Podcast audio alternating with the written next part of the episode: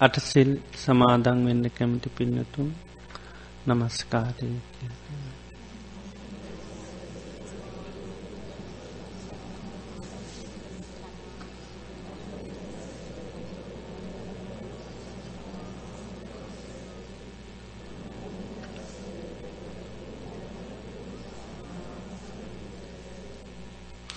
බුද්ධං සරනංගච්ඡාමි දම්මං සරනංගච්ඡාමි සංඝං සරනංගච්ඡාමි ဒ ුතියම්පි බුද්ධං සරනංගච්ඡාමි දුතියම්පි දම්මං සරනංගච්ඡාමි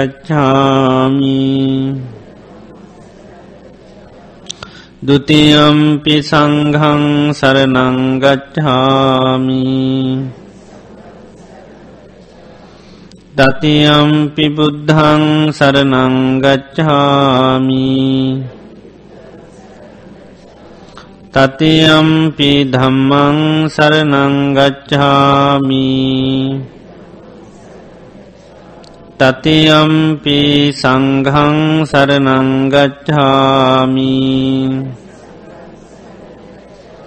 සරනාගමනං සම්පන්නං පානාතිපාතා වේරමණී සික්ඛාපදං සමාදියාමි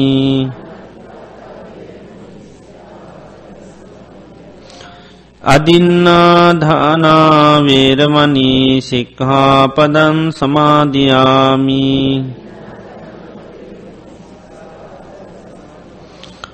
අබ්‍රහ්මචරියා වේරමනී සික්හාපදං සමාධයාමී මුසාවාදාවේරමනී සික්හාපදං සමාධයාමි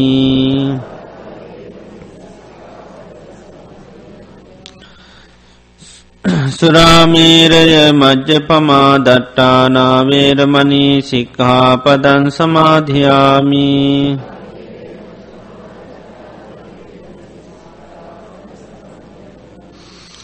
විකාල භෝජනාවේරමනී සික්හාපදන් සමාධයාමි.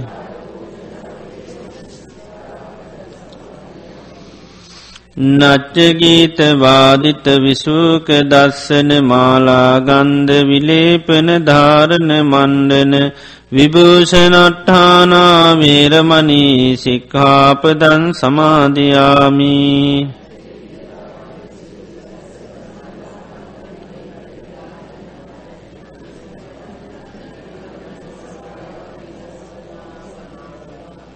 උච්චාසයන මහාසයනාවේරමනී සික්හාපදං සමාධයාමී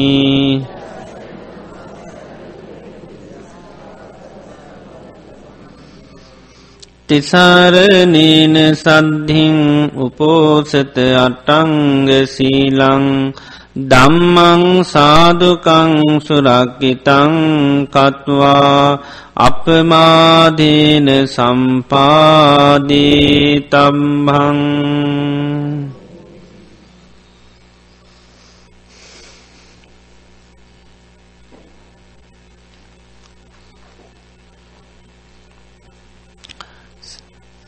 ශ්‍රද්ධාවන්ත පින්වතුනි භාග්‍යවත් සම්මා සම්බුදුරජාණන් වහන්සේ දේශනා කරා.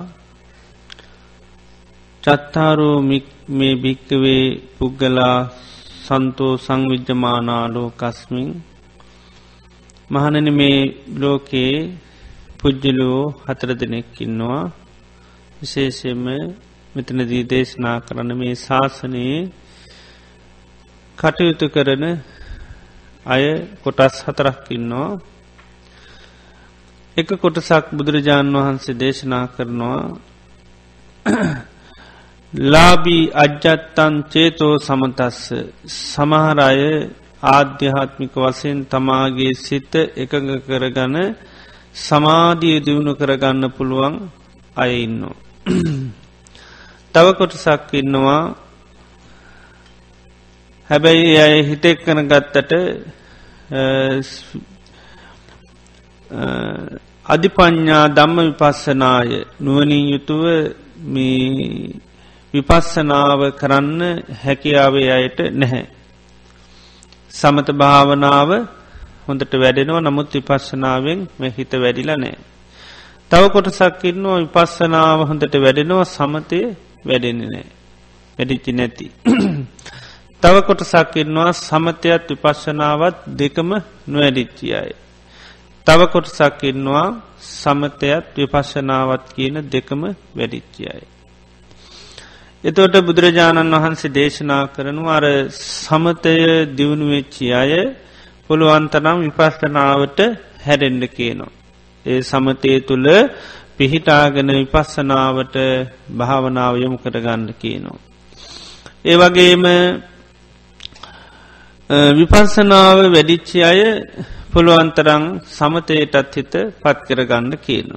ඊළඟට සමත විපස්සනා දෙකම නොවැඩිච්චි අය උපමාවකට පෙන්නනවා හිස ගිනිගත් කෙනෙක් ඒ ගින්න නිවාගන්න යං උත්සාහයක් වීරියත් දරනවා වගේ ආන උත්සාහ වීරී ඇති කරගන්න කියනවා. ඒ වගේම හැඳිවත ගිනිගත්තට පස්සේ සීරු කටයුතු අතහැල්ලා ඒ සඳහා උත්සාහයක් වෙනවා වගේ අන්න උත්සාහවත් වෙන්න කියනවා. ඒවගේම සමත විපස්සනා දෙකම වැඩිච්චි අය ආශ්වශ්‍යය කිරීම සඳහා දියුණුවෙන්ඩ කියන වීරිය වඩන්ඩ කියනවා. සමත විපස්සනා දෙකම උපයෝගි කරගෙන. එතකොට සමහරයට උපතිම්ම මේ හැකියාව තියෙනවා කුසලතාවේ තියෙන හිත එක් තැන් කරගන්න. හිත එක් තැන්කර ගැනීමේ හැකියාව තියෙනවා ආන්නේ කුසලතාවේ තියෙන අය හෙක්ත හිත එක් තැන් කරගෙන විපශ්නා භාවනා කරන්න ඕන. සමහරය ඒ විදිහේ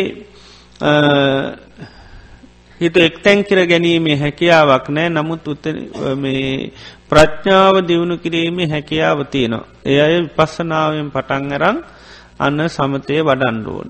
සමහරයේ දෙකම නැති අයින්න ඒ අය මේ සමතිපස්සනා දෙකම ලබා ගැනීම සඳහා උත්සාවත් වෙන්න ටෝනි. තොට සමති පස්සනා දෙකම වැඩිච්චය ඉන්න අය පුළුවන් තරන් තව තවත් වීරිය වටලා කෙලෙස් ප්‍රහාණය කනෙම නැත්තං ආශවක්ෂය ඥානී ලැබීමට උත්සාහවත් වෙන්න කියනවා. එතොට මේ අපි බුද්ධ ශාසනයේ මේ ප්‍රතිපදාවේ යෙදෙනකොට සමත භාවනාවෙන් භාවනාව පටන්ගන්නත් පුළුවන් විපශ්ශනාව කරලා භාවනාව පටන් ගන්නත් පුළුවන්. දෙකෙන්ම පටන්ගන්න පුළුවන් සමත භාවනාවමුත් පුළුවන් විපශ්ශනා භාවනාවත් පුළුවන්. සමත පුබ්බංගම විපස්සනා කියලතින පළමියෙන්ම සමත භාවනාවක් පටන්ගරන් ඊට පස්සේ පස්සනාවට හැරෙන්න්න පුළුවන් ඊළඟට විපස්සනා පුබ්බංගම සමත විපස්සනා භාවනාවක් දියුණු කරලා ඊට අනතුරුව සමත භාවනාවත් කරන්න පුළුවන් යුගන අදේ දෙකම එකටම කරගෙන අන්ඩත් පුළුව. එතුට සමත භාවනාවෙන් භාවනාව පටන්ගන්නකොට ඒ කරගෙන යනකොට ඒකටකින සුකා පටිපදා කියලා. සුකා පටිපදා කියලා කියනවා. විපච්චනා භාවනාවෙන් භාවනාව පටන්ගන යනකොට ඒකට කියනවා දුක්හා පටිපදා කියලා. ප්‍රතිපදාව දුක් සහිතයි. ඊළඟට මේ සුකා පටිබදාවේ යනය සමහරයට ඉක්මනින් අවබෝධ කරගන්න පුළුවන් අයින්නවා සමහරයට එහෙම බැරි අයින්න. එතට සුකාපටිපදාවේ ගිහිල්ලා ඉක්මට අවබෝධ කරගන්න අයට කියනවා සුකා පටිපදා කිප්හාබිඤ්ඥා කිප්ප කියන් ඉක්මනින්ම අභිඤ්ඥාකැන අවබෝධ කරගන්නවා. සුකාපතිපදාවෙන් ඉක්මනින් අවබෝධ කරගන්න පිරිස්සින්නවා. ඊළඟට සමහරයට එහෙම සමාධිය තිබූ පමණින්ම ප්‍රඥාව ලැබෙන්නේ නැහැ. ඒකට ඒ අය සුකා පටිපදා දංජාබිඤ්ඥා අවබෝධය බොහෝම හෙමීට තමයි ඇතිවෙන්. හැබැයි ප්‍රතිපදාව බොහොම පහසුයි. ඊළඟට දුක්කා ප්‍රතිපදාවත් එහෙමයි සමහරයි ප්‍රතිපදාව දුක් සහිතුනාට අවබෝධීතා ඉක්මනින් ලැබෙනවා ඒකට කියෙන දුක්කා පටිපදා කිප්පාබිඤ්ඥා ප්‍රතිපදාව බොහොම දුක් සහිත වනාට අවබෝධීතා ඉක්මනින් ලැබෙනවා. සමහරයට දුක්කා පටිපදා දංජාමිඤ්ඥ ප්‍රතිපදාවත් දුක් සහිතයි අවබෝධයත් බොහෝම හිමීට තමයි ඇතිවෙන්නේ. එතුවට බුදුරජාණන් වහන්සේ දේශනා කරනවා සමහරය උපතිම්ම හිතේ කෙලෙස් අඩුගතියයි ඉන්නවා. එයට හිත ඉක්මනටම සමාධිගත කරගන්න පුළුවන්. පොකෘතියම රාගදේශාදී කෙලෙස් ගති හරි අඩුයි. එයාට හිත සංසිදුවාගන්න හිතාමත්ම පහසුයි. ආනේ කෙලෙස් යටපත් කරගෙන විපසනාව කරනයට තමයි සුකා පටිපදා කියල කියන්න. සුකා පටිපදා කියන්නේ අර හිත සම්පූර්ණම සංසිදුවාගන භාවනාවේ යෙදෙනවා. එතකොට නීවරණ ධර්ම යට වත්වෙලා තියන්නේ ඉතින් යටපත් වනාට පස්සේ විපස්සනා කරන්න හරි පහසුයි. එතොට වරින්වර විපසනා කරනකොට කෙලෙස් මතු වෙලා බාධා කරන්නේ නැහැ. ඒ නිසා ඒකයි ඒකට සුකහා පටිපදා කියල කියන්න.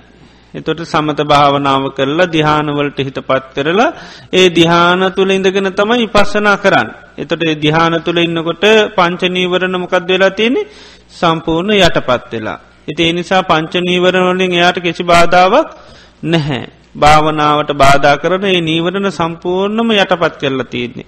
ඒ යටපත් කරගත්ත නීවරණ තුළ ඉඳගෙන තමයි භාවනා කරන්නේ නිසා හරි පහසුවෙන් කරන්න පුළුවන්. ඊළඟට සමහරයට එහෙම නෑ ප්‍රකෘතියම හිත හරි කලබලකාරී. කලබලකාරී හිතත් තියෙන්නේ ඊළඟට කෙරෙස් ගති ඒ නිසා වරින් වර නිතරම් පැන්නගෙන ය ඒ වනාට විපශනාවේ කරනවා. විපසනා කරනකොට හිත හැබැයි හොඳට වැඩෙනවා අවබෝධය ඇති වෙන නමුත්තර නීවරණයන් වරින්වර වරින්වර ඇවිල්ල භාවනාවට බාධා කරනවා. ඒ නිසා එයා බොහොම ගන්න භාවන අරමුණු බොහොම ඉක්මනින් අවබෝධය ඇතිවෙන ඒවා නමුත් ඒවා සමහරලාට බොහොම සුවදායි දේවල් නෙවේ කමටහන් වසයෙන් කරනයවත් නමුත් එයාට අවබෝධය ඉක්මනින් ඇතිවෙනවා. ඒ නිසාර නීවරණයන් වරින්වර යටපත් කර කර කර තමයි යාට භාවන කරන්න තියෙන් ඉති භාවනාවට බාධා හරියට පැමිණි නොමේ නීවරණයන්ගේ. එතකොට ඒ තුළ කරනකොට එයාට ටිකක් වෙහෙස කරයි. ඒ නිසායකට කියන්නේ දුක්හා පටිපදා ප්‍රතිපදා බොහොම දුක් සහිතයි. දුක් සහිතයි ප්‍රතිපදාව. හැබැයි සමහරයට වුණට අවබෝධය කියන එක ඉක්මනින් එනවා. ප්‍රතිපදා දුක් සහිත වනාට අවබෝධය ඉතා ඉක්මනින් එනවා. තොට මේක හරියට ගත්තොත්තේ අපි දැන් පොඩිලමේ ඇහැල්ල ඉන්නකොට වැඩකරොත්තහෙම ටිකක් අමාරුයි නේද? එයා ගිහිල්ල නලවන්ඩෝනි අයෙන්ඩෝනි නේද? ආය ටිකක් ඔන්න වැඩ කරනු රායකෑ ගහනවා. එතට ආයත් ගිහිල්ල ඔන්න යාව සනසල එන්ඩෝනි ඊට පස්සෙතම ආය වැඩ කරන්න තියෙන නේද. ආන්නේ වගේ තමයි නීවරණ ති අධ්‍ය භාවනාව පටන්ගත්ත හම අන්න වරින්වර මේ නීවරණයන් ගිහිල්ලා අන්න සංසිදුවල එන්ඩ වෙනවා. එතෝට ටිකක් වෙහෙස කර ඒකඒකට දුක්කා පටිබදා කියල කියන්න. එත ළමය නිදි කරලාම් වැඩ කරොත් එහෙමක දෙන්නේ. ආය ගැන හිතන්නේ නැතුව තමන්ගේ වැඩේ දිගටම කරන්න පුළුවන් මොකද දන්නවා දැන් හොඳට මෙයා නිදී. අය බාධාවක් එයාගෙන් නැහැ. ඉති ආන්නේ වගේ තමයි පංචනීවරණ යටපත් කරගනම භාවනාකරොත් අන්නේ ක්‍රමේ පහසුයි. ඉතිං මේ ක්‍රම දෙකින් තමන්ට ආන සමාරයට පංචනීවරණ යට ගන්න සමාධිදියුණුවෙන් නැත්තං විපස්සනාවට හැඩලා කරන්න පුළන් ඒක කිසි මේකක් නැහැ. කොහොමරි මේ සමතයෙන් විපස්සනාව පටන්ගරං අවබෝධ කර ගැනීමයි කර ගණ්ඩෝනි ජීවිතය යථාර්ථය අවබෝධ කර ගණ්ඩයි මහන්සි ගණ්ඩෝනි. ඉතිං එනිසා මේ සමත භාවනාවමුත් විපස්සනා භාවනාවෙනුත් දෙකෙම්ම අපිට භාවනාව පටන්ගන්න පුළුවන්. සමතය කරලාම් පස්සනා කරන්න කියල එකක් නැහැ. ඒළඟට එනිසා මේ විපස්සනා හුරු අයට විපස්සනා කරන්න සමහරයට බොහොම හැකි ආවතින ඉන්න එයට පුළුවන් විපස්සනා කරන්න. නමුත් අර ටිකක් මේ අපහසුතාවේ තියෙන මොකද නීවරණයක් අවධිමත්ව ඉද්දි තමයි භාවනා කරන්නේ. ඉතිේ නිසා යටපත් කරපු නීවරණයක් නෙවේ. ඒ නිසා නීවරණ නිදටම ඇහැරිලයින්නේ ඇහැරච්චි නීවරණ එක්ක තමයි ඒ අයි පොඩ්ඩක් යටපත් කරගෙන භාවනා කරන්නේ. සමත භාවනා කරනකට නීවරණ මොකද කරන්නේ හොඳටම නිදි කරවන. හොඳටම නින්දටම දාලා ආන ඊට පසේ තමයි මේ භාවනාව පටන්ගන්න තොට ඒ නිදිගත් නීවරණ එහෙමම තියෙනවා ඒවා උඩට එන්නේ නැහැ. එතොට මේ සමතු පස්සනා දෙකෙන් අපේ මනස මේ හිත දියුණු කරගන්න තමයි අපි කටයුතු කරන්නේ. බුදුරජාණන් වහන්සේ මේගේ උපමාවත්තියෙනවා මේ අපේ මනස හිත කියන නගරයක ස්වාමියෙක් වගේ කියනවා. නගරයකින්න ස්වාමියෙක් වගේ කියනවා. එතොට ඒ නගරේ ස්වාමයාගේ තියෙන දුරුවලතා දෙකක්.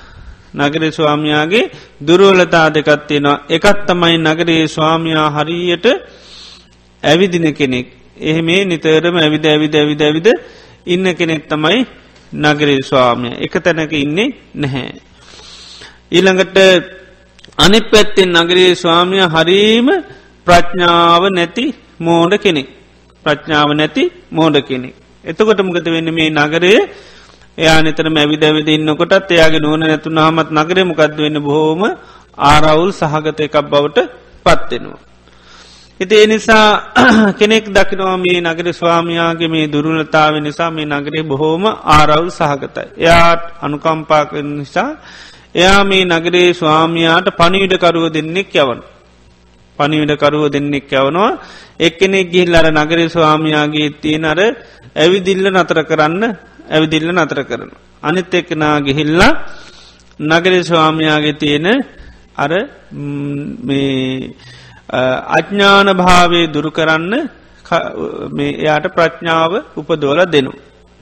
එතොට මේ පනීඩකරුවෝ දෙන්නාගෙන් මේ එක්කෙනෙක් එයාව සංසිඳනවා අනි පනිවිටකරුවගේ ලයට අවබෝධය ඇති කරලා දෙනවා. දොට සමහර වෙලාවට අර පළවෙනි පණිවිඩකරුවට නගරී ස්වාමියාව සමන්ලාට බලාපොරොත්තු නීතියට එයාව එක්තැන් කරන්න බැහැ. මොකද ඒ තරමටයා විසිරිච්චි ස්වභාවයක් ඥානයන් නැති කෙනෙක් නිසා යා කැමැතිම අර බාහිර ගිහිල්ලා ඇවිද ඇවිදින්ද.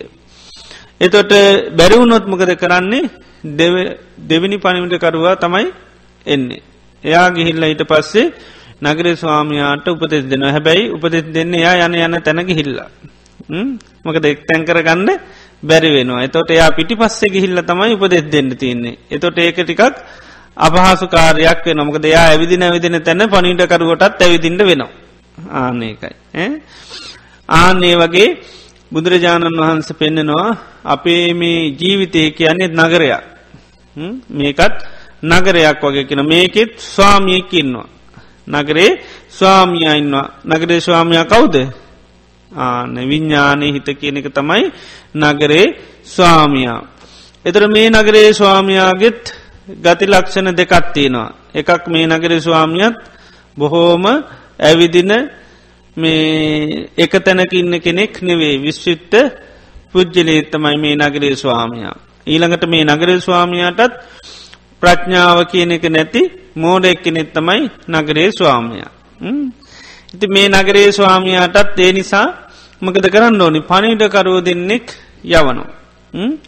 ඒ පනිවිඩ කරුව දෙන්න ගිහිල්ල එක පනිිඩකරුවෙක් නගරේ ස්වාමයාමකද කරන්නේ අන්න අර යාගේ තින කලබල කාරී ඇවිදින ගති නැති කරලා එක තැනකට යා ගන්න. අනිත් නගර ස්වාමී අනිත් පනිවිටකරුවා ගිහිල නගර ස්වාමයාට අවශ්‍ය ඥානය නුවන ලබා දෙනවා. එතොට ඒ පනිවිටකරුව දෙන්න කවුද සමත විපස්සනා ඒකයි. බුදුරජන් වහන්සේ දේශනා කරනවා යවන පනිඩකරුව දෙන්න තමයි සමත විපශ්ශනා. සමත විපස්සනා දෙකෙන් තමයි මේ නගර ස්වාමියාව හදන්. සමත භාවනාවෙන් මකද කරන්නේ අර නගර ස්වාමියයාගේ රෝන් දෙගහිල්ල නතර කරනවා. එයා ඇවිදින කෙනෙ හරියට එක තැනකින්නේ නෑ. ඉතිේ නිසා යාවේ ගේ අසංවර ගති එයාගේ නැති කරලා යා සාන්ත පුද්ජිලේ බවට පත් කරනවා. ඊට පස්සේ අනිත් පනිවිඩකරුවමකද කරන්න එයාට අවශ්‍ය ඥානය ලබා දෙනවා නුහන ලබා දෙනවා. ආන එතෝට ඒ නගර ස්වාමියාට මේ පනිවිඩකරුව දෙන්නගෙන් එක්කෙනෙක් ගිල්ල සංසිීද අනිත් එක්කනා ප්‍රඥාව ලබා දුන්නහම අන්න නගරේ බොහොම සාමකාමියකක් බවට පත්වෙනවා. සියලූම අවුල් ආන නැති කරගෙන බොහෝම සාමකාමි නගරයක් බවට එක පත්වෙනවා. ඉතිං අපේ ජීවිතයත් මේ නගරේ වගේ මේ ස්වාමියා ඔල්ලුනොත් ඔක්කොම ඉවරයි. ස්වාමියා වරද්ද ගන්න වගේ විඳවිල්ල කවුද විඳින්නේ. ස්වාමියාම විඳින්ඩ වෙනවා නේද. නගරයේ අසාර්ථක වුණහම ඒක විපාගෙන්නේ වැඩිපුර කාටද ස්වාමියාට මේක එනවා. ස්වාමියාම තමයිව විසඳ ගණ්ඩෝනි. ස්වාමියාමයිව විඳ වණ්ඩෝනි. ඒ වගේ තමයි මේ ජීවිතය නැමැති නගරේ මේ ස්වාමියාම කරන දේවල්වල විඳින්නෙත් කවුද එයාම විඳින්ඩ වෙනවා. ඉතින් මේ සමත විපස්සනා දෙකෙන් ආන්න අර මේ ස්වාමියාගේ තියෙන නගරේ ස්වාමියාගේ තියෙන දුරුලතා දෙක අයින් කරලා ආන එයා බොහොම සංසුම් බුද්ධිමත් කෙනෙක් බවට පත් කරනවා ආනේ තුළින් නගරේ බොහොම සාමකාමී එකක් බවට පත්වෙනවා. එතොට අපි මේ සමත විපශනා භාවනාවන් කරන්නේ එකයි සමත භාවනාවෙන් හිත සංසිින්දුව ගන්නවා විපස්සනා භාවනාවෙන් තමයි අවශ්‍යය ප්‍රඥාව දියුණු කරලා දෙන්නේ. ඊයත් අපි අර මතක් කරේ සමත වඩන්න ඕනි හේතුව තමයි හිතේ රාගේ නැති කරන්න ඉළඟට විපස්සනාව කරන්න හිතේ ප්‍රඥාව දියුණු කරගන්න. ඉතිං අර ආසාාව නිසා තමයි රෝන්දක ගහ අර නගර ස්වාමය යන්නේ. එයා කැමිති නිතරම කඩපිල් ගාන ගිහිල්ල මිනිසුත් එක කතා කර කර නේද. කාලය ගත කරන්න හරි කැමති.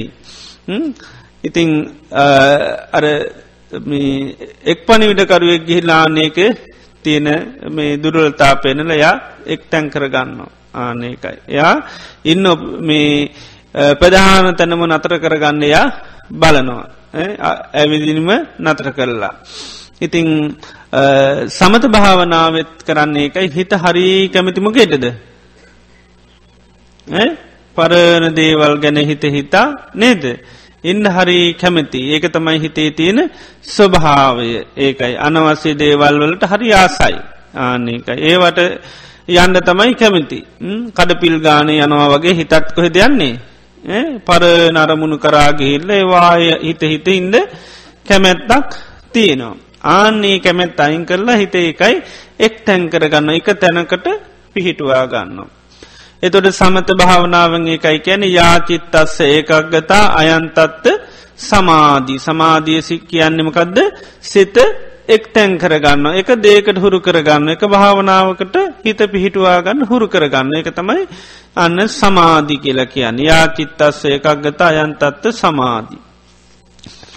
එතකොට මේ සමාධිය තුළ අපේ හිත එක්තැන් වෙන්න වැන්ඩ එක්තැන් වෙන්න වෙන්න හිතේ තියෙන විසරීන් ස්වභාව ඔක්කෝම නැති වෙලා යනවා. එතකොට මේ සමත විපස්සනා භාවනාව දෙකම අපි කරන්නේ කොහෙද අපේ මේ හිත තුළ නේද හිත සම පණවිඩේ යවන්න ඕනි කාටද නගරේ ස්වාමයාට. එතොට ඒ නගරේ ස්වාමයා හොඳට හඳුනා ගණ්ඩෝනි ආන්න මේ පනින්ඩේ අවන්ඩ. නගරේ ස්වාමිය මොන වගේ ගති ලක්ෂණ වලින් යුත්ත කෙනෙ දිකිල හොඳට අවබෝධ කර ගණ්ඩුන්. එතට භාවනා කරනකොට අපි අපේ මේ මනස මේ හිත හොඳට හඳුනා ගණ්ඩුවන්. දෙයක් සාමාන්‍ය ලෝකයේ කරනකොටත් අපි හොඳට ඒදේ හඳුනාගෙන කරොත් ලේසි. පුද්ජිලේක ඇසරු කරනකොට යා හඳුනාගෙන ඇසරු කරොත් ලේසි. ඒ වගේ භාවනාවේදී මනස හොඳට හඳුන ගණ්ඩුවන්. මනසේ තියෙන ස්වභාවේ. දැක පාට මනස මොකක් හැටි හඳුනාගෙන තියන්නේ. හිත මොකක් හැටිරිද. හිත මගේ නේද? මගේ හිතනේ නේද? සාමාන්‍යය තියෙන හඳුනා ගැනීම තමයි හිත කියන්නේ කවුද? මගේ. මම තමයි හිත. නේද? එතකොට දැන් සාමාන්‍යෙන් අපි මගේ දේවල් අපේ දේවල් ඉක්මට කරගන්න ඕනේ. නේද? අපට ඕන ඇටට කරගන්න අපි බලනවා. හිතත් එහෙම කරන්න ගියොත්මකද වෙන්නේ. එහෙම කරන්න බෑ හිත කියන්නෙම කදද හේතු පල දහමක්. හේතුන් නිසාහට ගන්න එකත්තමයි හිත අපිට ඕන ඉදියට මගේ හිත කියල එහෙම කරන්න පුළන් එකක් නෑ මගේ හිතන මේට ඉස්සලම හදාගෙන ඉවරයි. නේද. මේක හේතු පල දහමක් හොඳට අවබෝධ කරගන්න ඕනි හිත කියන්නේ හේතු පල දහමක් හුරුවෙච්චි හේතු අනුව තමයි හිත බොහෝසෙයින්ම කටයුතු කරන්නේ. පුරුදු වෙච්චි ක්‍රමේට යන ගතියත් තමයි හිතේ තියෙන්නේ. ඉතේ නිසා ඒ ස්වභාව හඳුනාගෙන භාවනා කරන්නට ඕනි. ඉතේ නිසා හිතේ තියෙන ගති ලක්ෂණ හොඳට මතු කර ගණ්ඩෝනි. මෙන්න මේ දුරුලතා මේ වගේ ස්වභාවයක් මේ මනසට පවතිනවා. ඉතින් ඒක තේරුම් ගත්තහම කලබල වෙන්න දෙයක් නැහැ. හිතේ නිසාද අර චිත්ත වර්ගහෙම පෙන්නන්නේ හිතේ තියෙන ස්වභාවේ පන්දනන් චපලංචිත්තං දුරක්කන් දුන්නිවාරයන් පන්දනං කියන හිතේ ස්වභාව නිතරමකක්ද සෙලවෙන එකක් නිශ්චලව තියෙන කන්නෙවේ සෙලවෙන එක සෙලවෙන එකක් ඉතින් අල්ලන්ඩ යනකොටමකද වෙන්නේ? තවත් හෙල්ලෙන්න පටන් ගන්නවා. ඉතින් එනිසා මේ හිතේ ස්වභාවයක ඊළඟට චපල පන්දනන් චපලන් චපල කියන්නේ ස්තීරත්වයක් නෑ. අපි දැන් සාමාන්‍යල් ජීවිතයේදී දේවල් වෙනස් කරනයට කවුද කියලා කියන්නේ. චපලාය කියනවා. විශ්වාසයක් නැහැ. ඉති මේ හිතත් එහෙම තමයි කිසිීම විශ්වාසයක් නැහැ. විශ්වාසයකින් වැඩ කරන්න පුළුවන් කෙනෙක් නෙවේ. ඒ තරම්ම දුරුවලයි. දැඟ අපි චපල කෙනෙක් එක වැඩක් කරන්න ගියොත්තෙන් විශ්වාසයෙන් කරන්න පුළුවන්ද. එන්න කිවොත් එන්න එන වෙලාවකුයි වෙලාවත් දන්න. ගියොත් හරියට ඉද කියලා විශ්වාසයක් නෑ මගද යන්නත් පුළුවන්. ඉතින් එතෝට අප ඒ වගේ කෙනෙක් එක බැරිවෙලාක් වැඩක් කරොත් එහෙම සීයට සීයක් විශ්වාස කරන කරන්නේ. නැහැ. අපි විශ්වාසයක් නැහැ. ආන්නේ වගේ තමයි මනස ඒ තරම්ම වෙනස් වෙන එකක්. වෙනස් වෙන එකක් ඒකයි අපි දැම් භාවනාවට ඉඳ ගන්න තපරින් තපරෙන්මකද වෙන්නේ. විසිටල යනවා දැම් මේ බෝම ඔක්කෝමත්ල හැත්ති කරගෙන නිවාරුදාගෙන නේද එනවා. නමුත් විශ්වාසයකින්තුර වැඩ කරන්න පුලන්ද. පෑ ඒ තරම්ම ආන්න හිත කියන්නේ විශ්වාසය කරන්න බෑ. චපල එකක්. ඉති අපි අවබෝධ කරගන්නු ද මගේ හිත මං හදාගන්නවා කියලා ඔත්මකද වෙන්නේ. ඇයි මට එහෙම වෙන්නේ. එක පාටම හිත දුවනට ඇයි මට එහෙම වෙන්න? මං කොච්චර නේද? නිවාඩු දාලම කොච්චරෝනක මෙන්දාවේ ඇයි මගේ මගේ හිතට මෙහෙම වෙන්නේ? එහෙම වෙනවා. එනිසා හිතේ තියෙන දුරුලතාව හොඳට හඳුන ගන්න ඕනඒක චාපල එකක් ස්තීර එකක් නොවේ. ඉති ස්තීර නැති කෙනෙක් එක වැඩ කරනකොට බොහොම අන්න පරිස්සමෙන් කරන්න නො විශ්වාසය තියාගන්න හරි අමාරුයි. ඒකයි පන්දනන් චපලංචිත්තං. දුරක්කං රකින්න හරි අමාරුව එකක් හිත. එහෙම ආරශ්ා කරන්න ලේසියෙන් පුළුවන්කමක් නෑ දුන්නිවාරයන්කන වලක් වන්නත් තමාරුයි. කැමති කැමති තැන්වලට හිත දුවනවා. ඉති ඒ හිතේ තියෙන ස්වභාවය. පන්දනං චපලංචිත් ඉළඟට වාරිජෝව තලයකිත්තු. මේ හිත හරියට මාළුවේ ගොඩට දැම්ම වගේ කියනවා.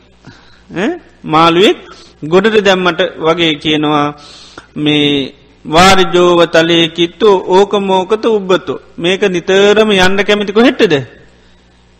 පංචකාමයටම තමයි හිත යන්ඩ කැමැති. ඒ නිසා දැන් පංචකාමේ ඉන්න තාකල් හිතේ ලොකු ගැටලුව පේන්නේ නෑ.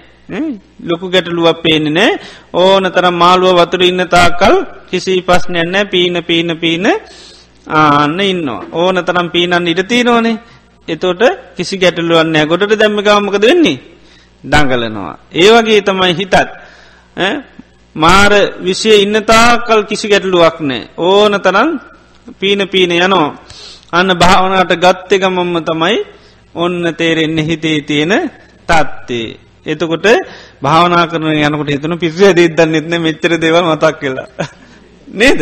ඇයි මේ මතක්වෙන දේවල් ඇටට බැලුවාම නේද. දැම් මේ හිටියටත් ඇඩිය පස්්නකට මුණ දුන්නාගේ. නේද? ඒම තත්ත්වයක් සමල්ලාට එනවා. නිකං ඉන්නකට මෙච්චර කලබල තත්ත්වයක් තිබුණේ නෑ මනසේ. දැම මේ භාවනාල් කරාට පස්සේ තමයි නේද? ඉඳ ගත්තකම මෙන්න පොඩි කාලෙව හිටන් ඔක්කොම තක් කල එනවා. නේද?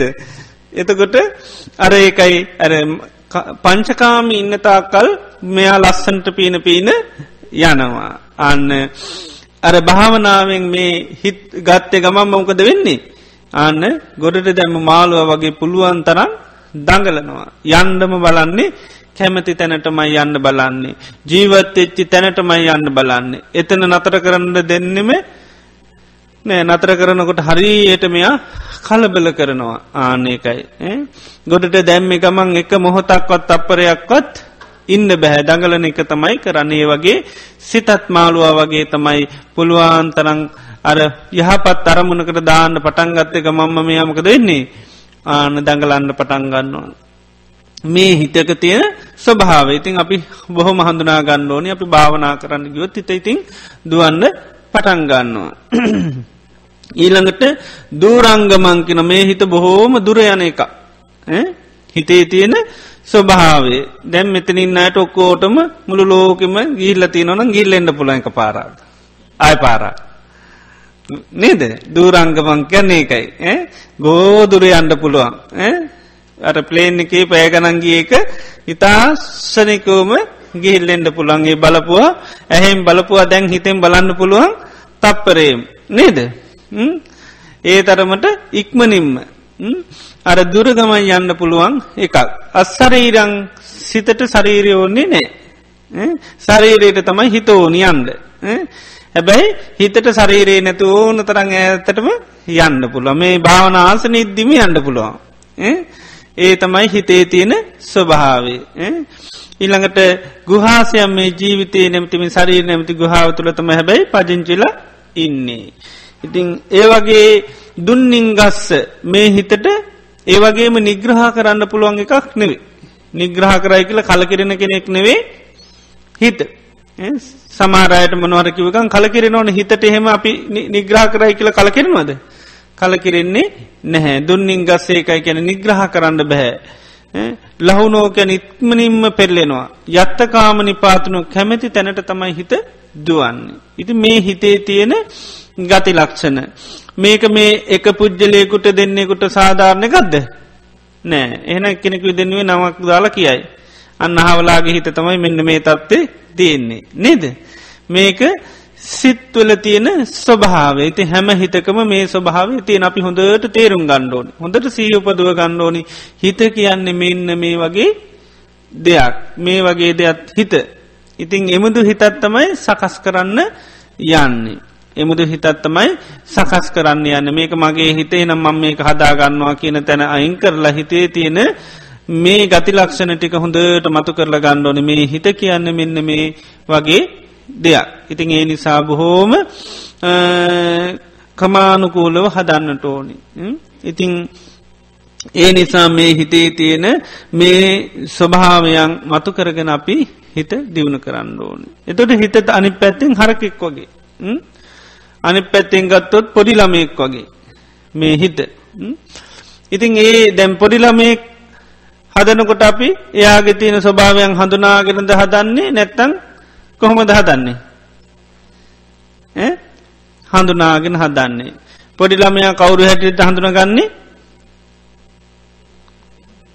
ඕ පොඩිලම එත්තමයි චූටි තේරෙන්නේ නේද. එතට පොඩිලමයා චූටි නිසා යාට සමහ දෙනවද නැද්ද. කලබල වෙනවද පොඩිලමයි හතට හැදෙන්නේ කියලා. නෑයි අපි හිතන්නේ තාම චූටි ඉති ඒ නිසාපට ළමයි හදනකට මොකක්ද භාවිතා කරන්න නිතරම. උපක්‍රම භාවිතා කරනවා නේද. උපක්‍රම ශීලීව තමයි නිතරම පොඩිලමයි හදන්නේ. ඉති හිතත් එහෙම හදන්න කියන උපක්‍රම භාවිතා කරන්න කියන නැත්තම් යාට කෙලීම කිවේ ගමන් කරනවාද. නෑ පොඩි ළමයිට කණ්ඩ කියල සැර කරන කනවද.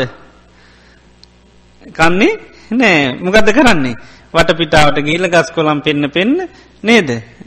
හිමීට තමයි අන්න කටායාය දාන්න තියන්නේ. නේද නිදි කරන්න ගිහිල්ල පුළුවන් දෙක පාට නිදි කරන්න. නිදි අන්ඩ කියලා කිවත් නිදිනවාද. නෑ ඒත් මොකදද කරන්නේ. අන්න එක්ක නැලවිලි ගීතයක් කියල කතන්තරයක් කියල හිමීට නොදැනුවත්ව තමයි නිදි කරන්නේ. අර නිදාගණ්ඩකිවොත් නිදාගන්නේ නෑ. ඉති නිතරම උපක්‍රම භාවිතා කරනවා. එනිසා වෙන ක්‍රමවලට හරි අමාරුයි. අපේ තින දුරලතාව මතු කරල පුළුවන් හදාගන්න?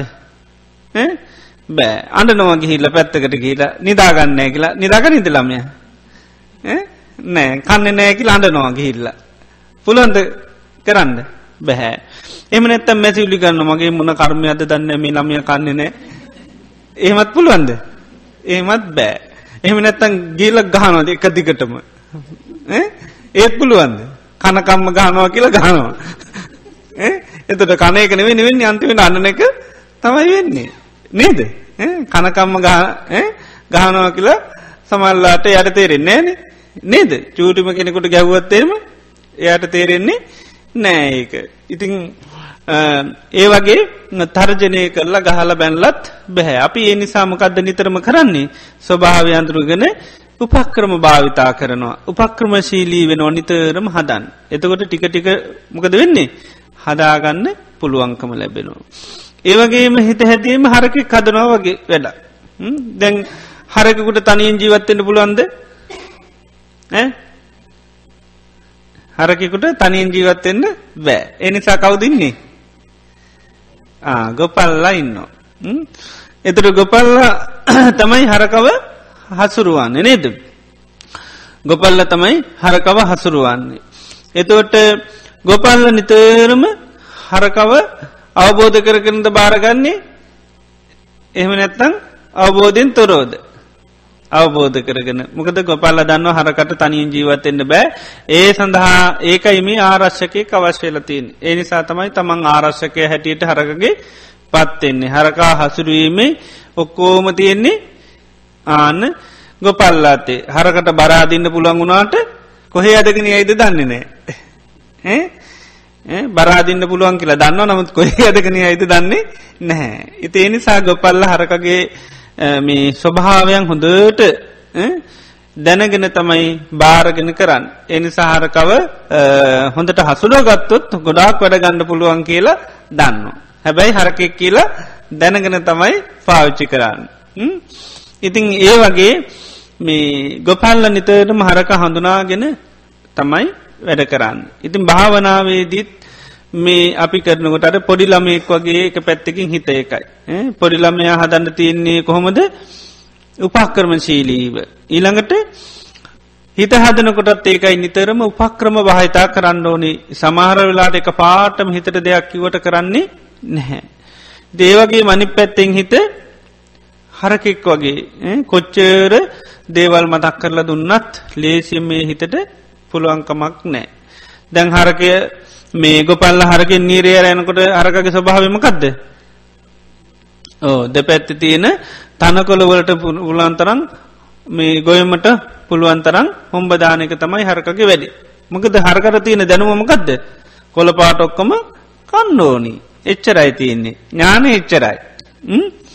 එච්චර ඥානයක් විතරයි තියෙන්නේ. තේනි සාමකද කරන්න? නීරයනකොට තියෙන්නේ හොඳටම කොළ පාටම නොවද තනකොල්ල නෙවෙයි. මොනවද? ගොයන්. ඒ නිසාමකද වෙන්නේ? ආන ගොයමට තමයි හොම්බදාන්න එතොට ගොපල්ල දන්න හැබැයි ගොයන් කෑවොත් ගුටි තමයි කණ්ඩ වෙන්නේ දෙන්නටම. ඒ නිසා ගොපල්ලමකද කරන්නේ? ආන්න කෙවිටින් ගහන හොම්බට එකක් ගොයමට දැම්ම ගමමකද කරන්නේ? ආන වේගෙන් පහරක් ගහනු එතකොට ඔන්න සැර වැදිච්චි ගාමකද වෙන්නේ? ආන්න අයින් කරගෙන යනෝ ටික දුරක්. ටික දුරක් යනකොට ආයමකද වෙන්නේ? ආය අමතක ආයත් දාන එතට ගොපල්ලමකද කරන්නේ? ආයත් ගහනවා. ඒ විදියට දිගට යනකොටමකද කරන්නේ? දිගට යන්න යන්න වැරද්ද කරනවා. ගොපල්ලමකද කරන්නේ? වැරැද්ද මතක් කරලා දෙනවා. එදවට දැන් හැමදාම සමාට කරන සිද්ධිය. හැමදාමත් මතක් කල දෙනවා. ඒත් මොකද කරන්න? ගොපල් මේ හරකගේ වැඩේ හොම්බ දාන එකමයි. ඉතිං ගොපල්ල හොඳට ඒක අවබෝධ කරගෙන තිීත්.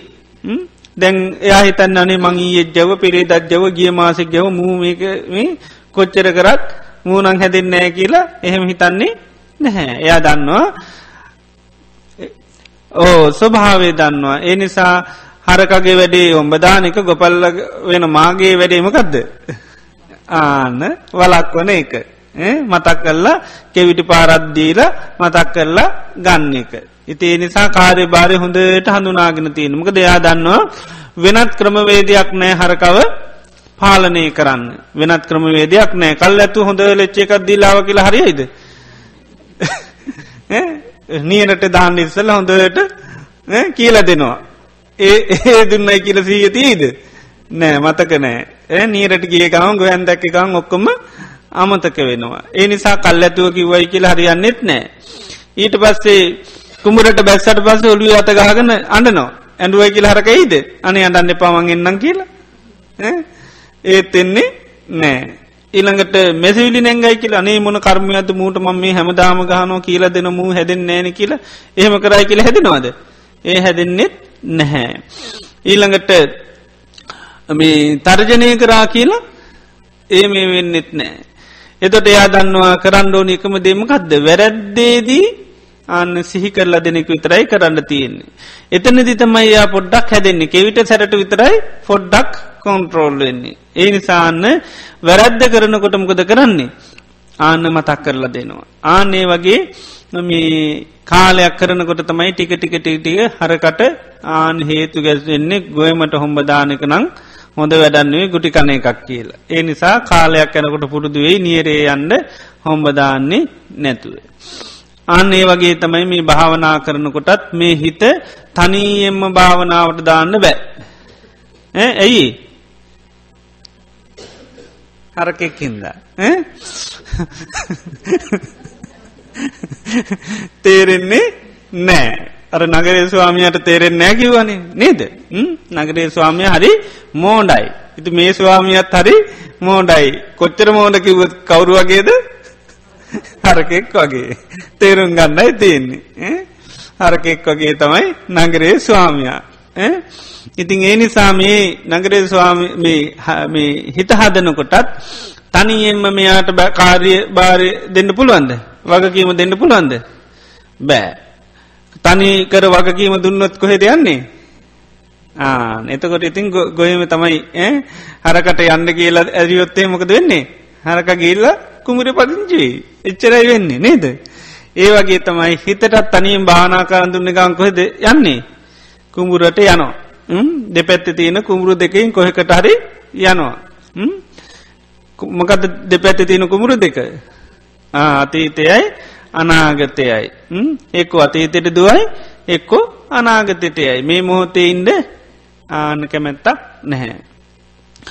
එතකොට මේ අර හිත ඒකයි ස්වාරීව මේ භාවනාවේ යොදවන්න බැහැ. එහෙම විශ්වාසයෙන් මෙයාව භාවන යෙදෙන්ඩකිවට යෙදෙන්නේ නැහැ. ඒ නිසා භාවනා කරනුට ඒකයි සිහිය තමයි ආරක්ෂක හැටියට ගණ්ඩෝනි ඒකයි නිවන් දකින්න එකම ක්‍රමයයි තියෙන්නේ. මකක්දේ ආන් සීහෙන් ඉඳීම කියල කැනෙ සතර සතිපට්ටානයේ සිහ පීටවා ගැනීම තමයි එකම ක්‍රමවේදේ වෙන ක්‍රමවේදයක් නෑ.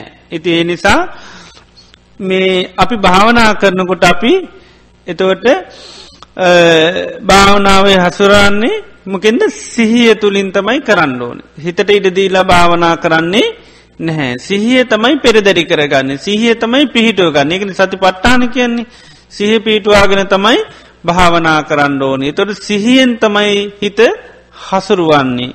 බුදුරජාණන් වහන්සේ පෙන්නට තියෙන හිතට තියෙන පිළිසරණ තමයි සිහිය. සිහියේ පිළිසරණ අනුව තමයි හිත වැඩ කරන්නේ. ඒ නිසා සම්පූර්ණ භාවනාවේදී සිහිය තමයි මුල් කරගන්න. ඒ සිහිය තමයි හිත හසුරුවාගෙන අන්ඩු නැත්තං එයා කොහේ අයිද කියලා දන්නේ නෑ. හිතට භාවනා දුන්නොත් එහෙම එක හිතින් මැජික් එකක් පෙන්න්න ඒ මැජික් එකට මොකද වෙන්නේ අන්න අහු වෙනවා. විඤ්ඥානය කවුරු වගේද මැජිකාරෙක් වගේ අනි පැත්තිෙන් ඊට පස්සේ යාටට දුන්න යා මැජිකයක් පෙන්නලා සෝතා පන්න කරනවා. එතට එතනිම නතර වෙන්න පුළුවන්. මැජික් එක බල බල ඊට පස්සේ ඉන්න පුළුවන්. ඉති ඒ නිසා හරි පරිස්සංගෙන් ඩොනි හරි අවබෝධ කර ගණ්ඩෝන මේ විඤ්ඥානය මනස සිත කියන්නේ කවුරු වගේද කියන එක. ඉති ඒ නිසා අපි ඉඩ දෙන්නෝ අපි පිහිටුවාගන කරන්න ඕනිමකක්ද සිහිය සිහ පිටවාගෙන තමයි භාවනා කරන්න ඕනි. ඊට තව එකතු කර ගන්නවමකක්ද වීරියත් නුවනත්. සතිපට්ටාන සූත්‍රයේ පටන්ගන්නකොටම කියන්නේ කායේ කායානු පස්සී විහරති ආතාපි සම්පජානු සතිමා අන්න. ආතාපි කියන්නේ කෙලෙස් තවන වීරිය සම්පජානෝ කියන්නේ නුවන සතිමා කියන සිහිය.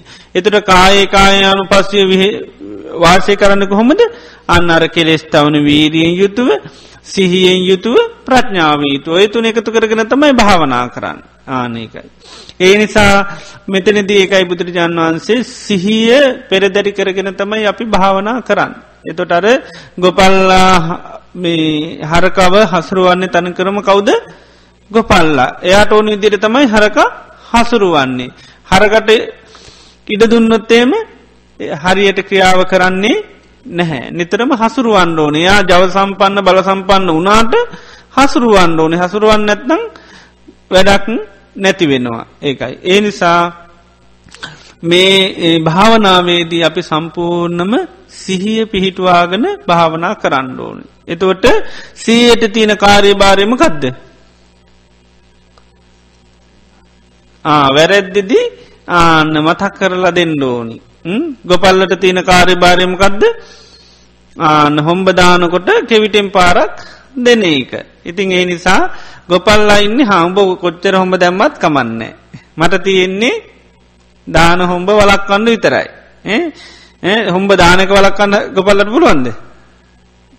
දානගතිය නතර කන්න බෑ අන්න දැම්මට පස්සෙ නතර කරන්න විතරයි පුළුවන් ඉන්නේ. ආනේ වගේ තමයි භාවනාවේදිත් හිත පිට යන එක නතරකන්න පුළුවන්ද. මොකද කල් ඇතු දේශන දුන්නයි කිය එහෙම නතර කරන්නේ නෑ. අන්න අර අතීතයටත් අනාගතයටත් නිතර බෙමිකං කරන එක හොම්බ දානක තමයි හිතේ තියෙන ස්වභාවතොට සිහියෙන් මොකද කරන්න ඕනි. ආන සිහිය පීටවාගෙන ආයෙත් තමන් කරන භාවනාරමුණට ගණ්ඩෝනි. එතොට සාමාන්‍යයෙන් හඳුන ගන්න මේ හිත කියන්න මේ විදිර දුවන කොච්චර දිව්වත් කමන්නේ නෑ. දකින වෙලාවේදී ආනායත් භාවනාරමුන්ට ගණ්ඩෝනි. ඒ නිසා ගොපල්ලාගේ මේක තම උඹ කොච්චර හොඹ දැම්මච් කමන්න මට තියෙන්නේ දාන දාන වෙලාවේ කෙවිට එකක් ගහලා ගන්න එක. ආන්නේ වගේ භාවනා කරනකොටත් හොඳට අපිසි සිහ පීටවාගෙන මේ හිතේ ස්වභාවය තමයි දුවන එක ආන සිහේ ස්වභාවය තමයි සිහි කරලා ආය භාවනාරමුන්ට ගන්න එක. එතොට සිහියට තමයි කාරිභාරය බාර දෙන්න. හිතට දෙන්නේ නෑ හිතේ ස්වභාවය දුවන එක. ආනකයි දුවන එක තමයි. එතට සිහිය ස්වභාවය තමයි දුවනකොටමකද කරන්නේ. හොඳට පාරක් රත්වෙන්න ගහලා ආයෙත් භාවනාරමට ගන්නවා. උඹොයි අපායන්න දහදන්නේ. ඕ හිත හිත.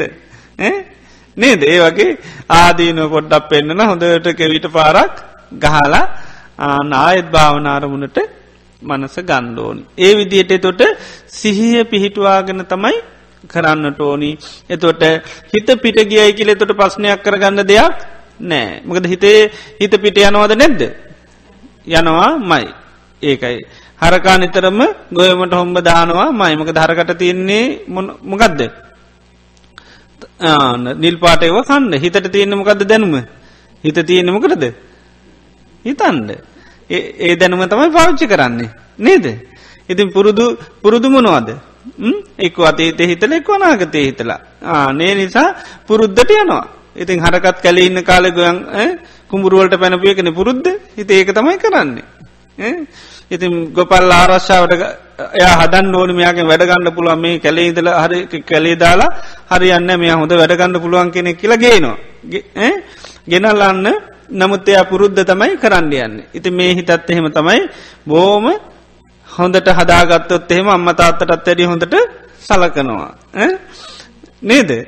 ඉතින් ඒ නිසා ඔන්න බෝම බල සම්පන්න ජව සම්පන්න කෙනෙක් මෙයා හදාගත්තොත්නම් හොඳ ආන්න කටයුතු කරන්න පුළුවන්. හැබැයි හදාගන්නකොට ඉතින් අන්න බොහොම වෙහසක් මහන්සියක් දරන්ඩ වෙනවා. ඉතින් එකයි ගොබල්ලත් ගොඩාක් වේස මාන්සි වෙලා තමයි හදාගන්න. ඉතින් ඒ නිසා අන්න හිත හදාගන්නකොටත් එහෙමයි සිහ පිටුවාගෙන ආන්න මේ හිත ආරශ්ා කරගන්න පුළුවන් ඉතිං ස්වභාවික ක්‍රියාකාරකංවලටයා නිතරම පත්වෙනවා. ඉතිං ඒ නිසා අර සිහියෙන් කරන්නේ කොච්චර ගියත් කමන්නේ යන හැම වෙලේමකද කරන්නේ. අන්න තම් භාවනාරමුන්ට ගණ්ඩු ඒ නිසා හොඳට මතක තියගන්න හිත කොච්චර පිට ගියත් කාරී භාරයමකදද අන්න හිත භාවනාරමුණ වෙන ක්‍රමයක් නෑ. අඩනවා ඒද හිත? අනේ මම මේ නිවාඩු දාලාවේ ඒ නිසානී පොඩ්ඩ භාවනා කරන්නඩෝ කියල කියනවා. කරයිද? නෑ අර පොඩිළමයා අම්මාන්ටනකොට මොකද වෙන්න? යත් අන්නනවා ඒ වගේ තම හිත. අඩන් අන්නන්න මොකද වෙන්නේ? තවත් විශ්විත්ත වෙලා යාවේ. ඒම නැත්තං හිතන අනේ මගේ කර්මයක්ද මන් සංසාර භාවනා කරලා නැද්ද? නේද? ඒ මිතුවයි කියල හිත හැදේද ඒ හැදෙන්නේ නෑ. ඊල්ළඟට මේ තර්ජනය කරනවා හිතට. තර්ජනය කරයි කියල භාවනක ඒද එම නැත හොඳ දේශනය අදරේද ඒද ඒ මොකේටවත් එන්නේ නැහැ. මැසිඩි නැගවාය කම්පා වනාය සැලුනාය ඇඩුවායක නනේ අඩන්න පම භාවනා කරන්න කිලෙහෙමෙන්නේ නෑ නේද? අර හරක හදනෝ වගේ තමයි. සීකරලා සීකරල දීලා හරකව මේ ගොයම් කෑම වලක්වනු ඇරෙන්ඩ වෙනකම වේදයක් නැහැ. ඒ වගේ තමයි භාවනා කරනකොටත් හිතේ ස්වභාවය පුළුවන් තරන්දුවන එක අපිට ඒකට කම්පා වෙලා වැඩක් නැහැ. ගොඩක් අයටමකද වෙලා තියන්නේ? ඕ කම්පා වෙනවා. කම්පාව ගැනමකක්ද නීවරණයක්. නේද? උද්දච්ච කුක්කුච්ච කියනමකක්ද නීවරණය කුක්කුච්චේ කැනෙ අන්න පසු තැවෙනවා. අනී මටමකක්ද මේ වෙලා තියෙන්නේ? එතකට මොකද වෙන්නේ? ආන හිත ආන්න තව තවත් තව තවත් ආන්න වැහිලම යනවා. අල්ලන්ඩම බැරි තත්වයටම පත්වෙනවා එතුට ගොයමේ ගොඩාක් දුරගිහිල්ල ගණ්ඩාය ලේසියෙන් පුළුවන්කමක් නැහැ. ඉති ඒ වගේ තමයි කම්පාවුනුත්මකද වෙන්නේ? ආන්න හිත ගොඩා තවත් දුරට අපිත් නොදැනුවත්ම ඇතටම යනවා. ඒ නිසා තියෙන්නේ ආන සිහියෙන් ඉදගෙන හිතේ ස්වභාගන්ත ගන්න මෙයා පිට යන එක තමයි මෙයාගේ ස්වභාවිතින් ආන සිහිකර කරර තමන් කරන භාවනාරමුණට ගණ්ඩෝනි. එතක ඒකයි මං ඊයේ තර භාවනා කරනට නිතරම භාවනාවේ තියෙන ආනි සංස මතක් කරල දෙන්න ඕනමකද හිතට එහෙම ආන නුවන නෑන මේක වටනාකමත් තේරෙන්නේ නොවටිනාන සන යන්නේ? ඇයි අතීතයට දුවන්නේ? අතීතයට හිත දුවන්නමකටද ආ නෙතන තමයි සැපතියන තැන. ඒ නිසා තමයි දුවන්නේ. අනාගතයටයි දුවන්නේ. එතන තමයි සැපතියන තැන. මේ මොහොතේ මේ නීරඉන්න කැමිතිද? නෑ. ඒ ආස්වාස පාස්වත් තුළ ඉන්න කැමති නෑ. මෛත්‍රයන මෛත්‍ර තුළ ඉන්න කැමති නෑ. අට්ටික සංඥාවන්නන්න ඒ තුළ ඉන්ද කැමති නෑ. වර්තමානය කිසි සතුටක් නෑ. වර්තමාන තැන මුකුත් හරයක් නැති දෙයක් හැටිට හිතට තේරෙන ඒ නිසාමකද කරන්නේ? හරය හොරාගෙන යනවා. ආන්නේක අපේ හිත නිතරම අතීතයටත් අනාගතයටත් දුවන්. ඉති ඒ නිසා වර්තමාන කරන ක්‍රියාව පිළිබඳව අපි ආන්නේකයි ඒක වටිනාකම සිහි කරලා දෙන්නඩෝන් මතක් කරලා දෙන්නඩෝන මොකද සිතට සහි කරල දුන්නොත් පොඩ්ඩම් මතකයි. චුට්ටි වෙලාවත්තමයි මතක තියෙන ඉතිං හරක් ගති වැඩේ හිත් මතක ඉතින්නේ චුට්ටයි. නේද හරක් ගති අඩුව හිත්වලට ටිකම් මතක් කරල දුන්නාව ටිකත් තියේවි. නේද එති නිසා මේ අලුතෙන්ගෙන පුහරක් ඉක්මනිම දුනවා. නේද ඉතින් ගොඩක් කල්ගුඩ් නියර අරංගිය අයට ටිකක් යන්න පුළුවන්. ඉතින් ඒ නිසා හඳුනාගන්නයි තියෙනෙ ස්වභාවය හඳුනගත්තාම ක්‍රියාව කරන්න අපාසුතාවයක් නෑ. ඉතිේ නිසා මේ අලුතෙන්ගෙන පුහරක් හදන ගොපල්ලො හොඳටම අවධානෙන් ඉන්නේ. මොකද කුළු ගති වැඩි. නේද? ඒ නිසා පියවරෙන් පියවරට එයා බොහොම කල්පනාවේ යනොමකද එය අහකුවත් බලන්න මකද දන්නවා මෙයාට හුරුම නැති ක්‍රියාවකතමයි දැම් මේ දාලතින් නීරයන්ඩ පොඩ්ඩක්වත් හුරු නෑ එයාට හුරුම ගොයමට පැනල. ඒ නිසා පුදුම අවධාවනයකින් එයා යනවා මෙයා කොයි වෙලේ හරි දානවා කියනෙක. එනිසා දැම්මයික දැම්ම ගමම් මොකද කරන්නේ? අන්න කෙවිටෙන් සැරටම පාරක් හොම්බට ගහනවා. එතකොට ආන්න ඒ පැත්ත බලන්න ඇතු යනවා. ඊට පස්සේ ඒ විදිහටයා හොඳයට දන්නවා මෙයා මේ වරද කරනේ වගේ තමයි අපි අලුතෙම භාවනා කරනකොට හොඳට අවධානයෙන් ඉන්ඩෝන මේ හිත දුවනවා. ඉතින් දිවටකමක් නෑ. දෙවට ආනන්ද වැලපෙන්ට කම්පාවෙන්ට දෙයන්නේ කරන්න තියෙනෙමකක්ද සිහිය පීටවාගෙන අයි භාවනට අයත්‍යයන අයත්යන් නෝක තමයි කරන්න තියෙන වෙන ක්‍රමවේදයක් නැහැ. ඒකයි. එම නැතුවනොත් නීවරණ තමයකු උද්දච්චු කුක්කුච්චේ වැඩිවේ අනිත් පැත්තෙමකද වෙන්නේ? ඒම නැත්තම්. විචිකිච්ඡාව. අනේ මගේ භාවනාව හරි දන්න මං කමටාන හරියට කරනවත් දන්න නේද? මේක හරියට බුදුරන් වන්ස කීපය එකද දන්නෙත්න නේද? වෙන භාවනාව කියලති නොත් දන්නන්න මගේ චරිතමකද දන්නෙත්න නේද? නේද? ඒ විදියට ආන විවිධ විදියට සැක කර කර ඉන්ඩ වෙන්නේ. ඒ එකකින්වත් හිත හැදෙන්නේ නැහැ. හිත හදන්න තියෙන එක ක්‍රමයේදීමකක්ද දුවන හිත දුවට පස්සේ ආන්න අරමුණට ගේන එක. ආනඒක හොඳට තේරුම් ගන්න ඕනේ හොඳට සහපේටුව ගන්න මේක කාටුවත් නැතං ලෝකමින්න කමටහන් දෙෙන හොයන ගියත් කවුරු දුන්නත් අන්න හදාගන්න තියන්නේ සිහිය තුළ පමණයි. සිහ පීටන තරමට සිත හැදෙයි උපදෙස් දුන්නු තරමටම නෙවේ.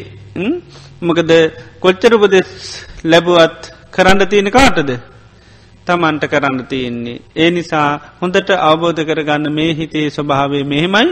එමුදු හිතක් ආන් හදන්න. පොඩිලමේ කදනවානන් අපි කාලෙට ඉඩ දෙනවා. හරකෙ කදනවනන් ගොපල්ල කාලෙට ඉඩ දෙන්න වෙන මේ සතියෙන් දෙකින් හදන්න පුළුවන් එකක් නෙවේ ඉතින් මේ අර ඉස්සලකිව වගේ නේද? පරණහරක්නං හොඳයි.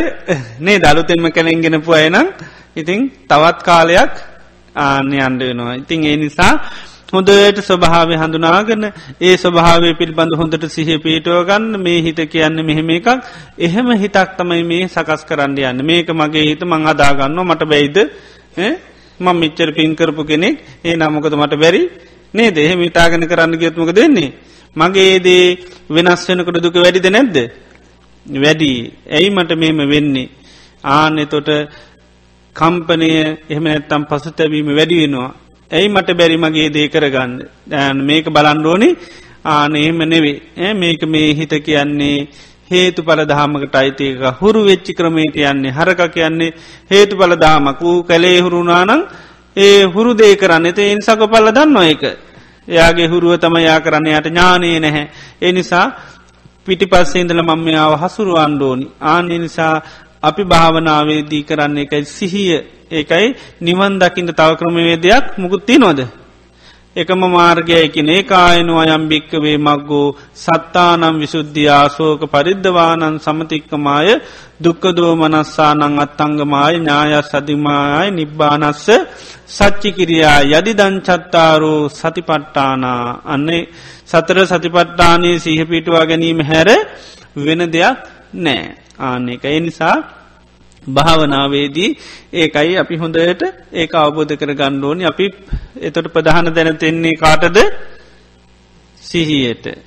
සිහිය පිහිටවාගෙන තමයි අන්න භාවනාව පුරුදු කරන්නඩෝනි එක ඉන්න ඉරියව්වේ ඉඳලාම සීය පාවිච්චි කරන්නඩොන මම මේ ඉඳගෙන ඉන්නේ ඉඳගත්තයයි භාවනා කරන්න. එතුට භාවනා කරන මේ තියෙන වටනාකම සහි කරල දෙන්නඩෝනි ඊට පස්සේ වරින් වඩ සිහ පීටවා පීටුව දැන්දුවන ගති වැඩි අය ඒකයි ආයත් වර්තමානයට සිහිය ගණ්ඩනු දැම්මම් මේ මොහොත ඉඳගෙන ඉන්න මම ඉදගත්තේ භාවනා කරන්න භාවනාවති නානිසන් සායිටිකක් සිහි කරන. ඒ විදියට ටික ටික ටික ටික සිහ පිහිටුව පිහිටුව කරන්නට ඕන ගොඩාත්දුවන වනන් ඒකයි වැඩි වෙලා භාවනා කරන්න ඇතු නැත්තං අමත කළ එක පාටම යනවා.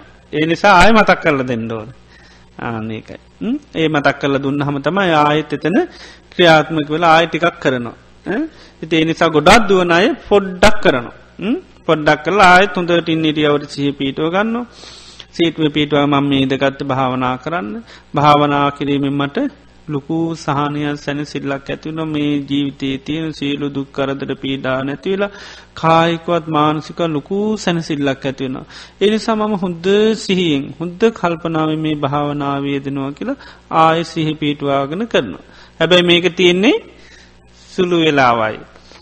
සුළු වෙලාවකද අමතකනවා අමතක වෙන්ඩ ඉස ආයත්මකද කරන්න ඕනි? ආයත් මතක් කරලා දෙන්න ඕන. ආනේ විදිට තමයි සිත සකස් කර ගන්නතිය නැත්තම් මෙයාට ඉට දුන්න ගමන් ආන්න අතීතට එක්කො ගිහිල්ල නේද? පාලු බැඳල ගුටි පාලු බැඳල ගුටි කනකොට තමයි තේරෙන්නේ. නේද? ඒ අතීත පස්්නයකට ගිල්ල ඔන්න ඒක ගැන හිතල ඔන්න දැන් ඕ දේශ හිත ඩැවිල්ලා නේද ඒ වගේ වෙනකොටතම ඔන්න තේරෙන ගොඩාක් එතොට හරක කුමරු මැදටත් ගිල්ල අයිතිකාරු ඇරංගිල්ල පාලුත් බැඳලා නේද නෙතකර තමයි ගොපල්ලට ආරංචි වෙන්නේ කෝල් එක දෙනකොට වැඩේ ගිල්ල ඉවරයි. ඒ වගේ තම හිතත්. ඒ නිසා අපිට තියෙන්නේ විදිහට හොඳට හඳුනාගෙන කරන්න කම්පාවීම තුළ ඇඩීම තුළ තර්ජනය කිරීම තුළ මේ හිත හදන්න බෑ කියන අවබෝධය හොඳට තියාගන්න. අනේ ස්වාමින් වහන්ස මට කියල දෙන්නක භාවනාව කිය කිය හම්බිනම්මිට ස්වාමින් වහන්සට කිවයි කියලා හිත අදාගණ්ඩ බෑ. නේද ඒක හොඳටම ආබෝධ කර ගණ්ඩෝන එක මොකද කාටුවත් කරන්න බැහැ. රාතන් වහන්සේ නමක්කාවත් භාවනා කරන ක්‍රමය කියල දෙන වැරෙන්ට වේට වෙන බලයක් නෑ. හොඳට පිරිසුදුව හිත හදන ක්‍රමය කියල දේ එච්චරයි. ඒට එඩිය දෙයක් කරන්න බැහැ. ආනක ඒ නිසා සිහිය තුළම මේක කර ගණ්ඩෝනිකො හේගියත් ඒකයි. කාටවත් කරන්න බෑ. කරන්න පුළන් එකම කෙනා කවුද? ආන්න එකයි සිහියට විතරයි කරලා දෙන්න පුළුවන්. එනිසා සිහිය පීටෝ පීටු පොඩ්ඩ පොඩ්ඩ පොඩ්ඩ කරන්න. සිහිය දියුණු වෙන්න දෙන්න සිහිය බලගතු වෙන්න බලන්න හිත නිත නිකම්ම මෙල්ල වෙලා එනවා. ගොපල්ලා බලගතු වෙන්න වෙන්නමකද වෙන්නේ. අරක නිකම්ම පාලනයට නතුවෙනවා. එයා දුරුවල කෙරෙන්න්නම් හරකත් දුරුවල එලායනවා. සිහිය දුරුවලන්ත එන තරමට හිතත් දුරුවලලා යනවා. හිතේ නිසා හොඳයි එහෙනම් පොඩ්ඩක් සක්මං කරලා එන්ඩ වේකයක් කරා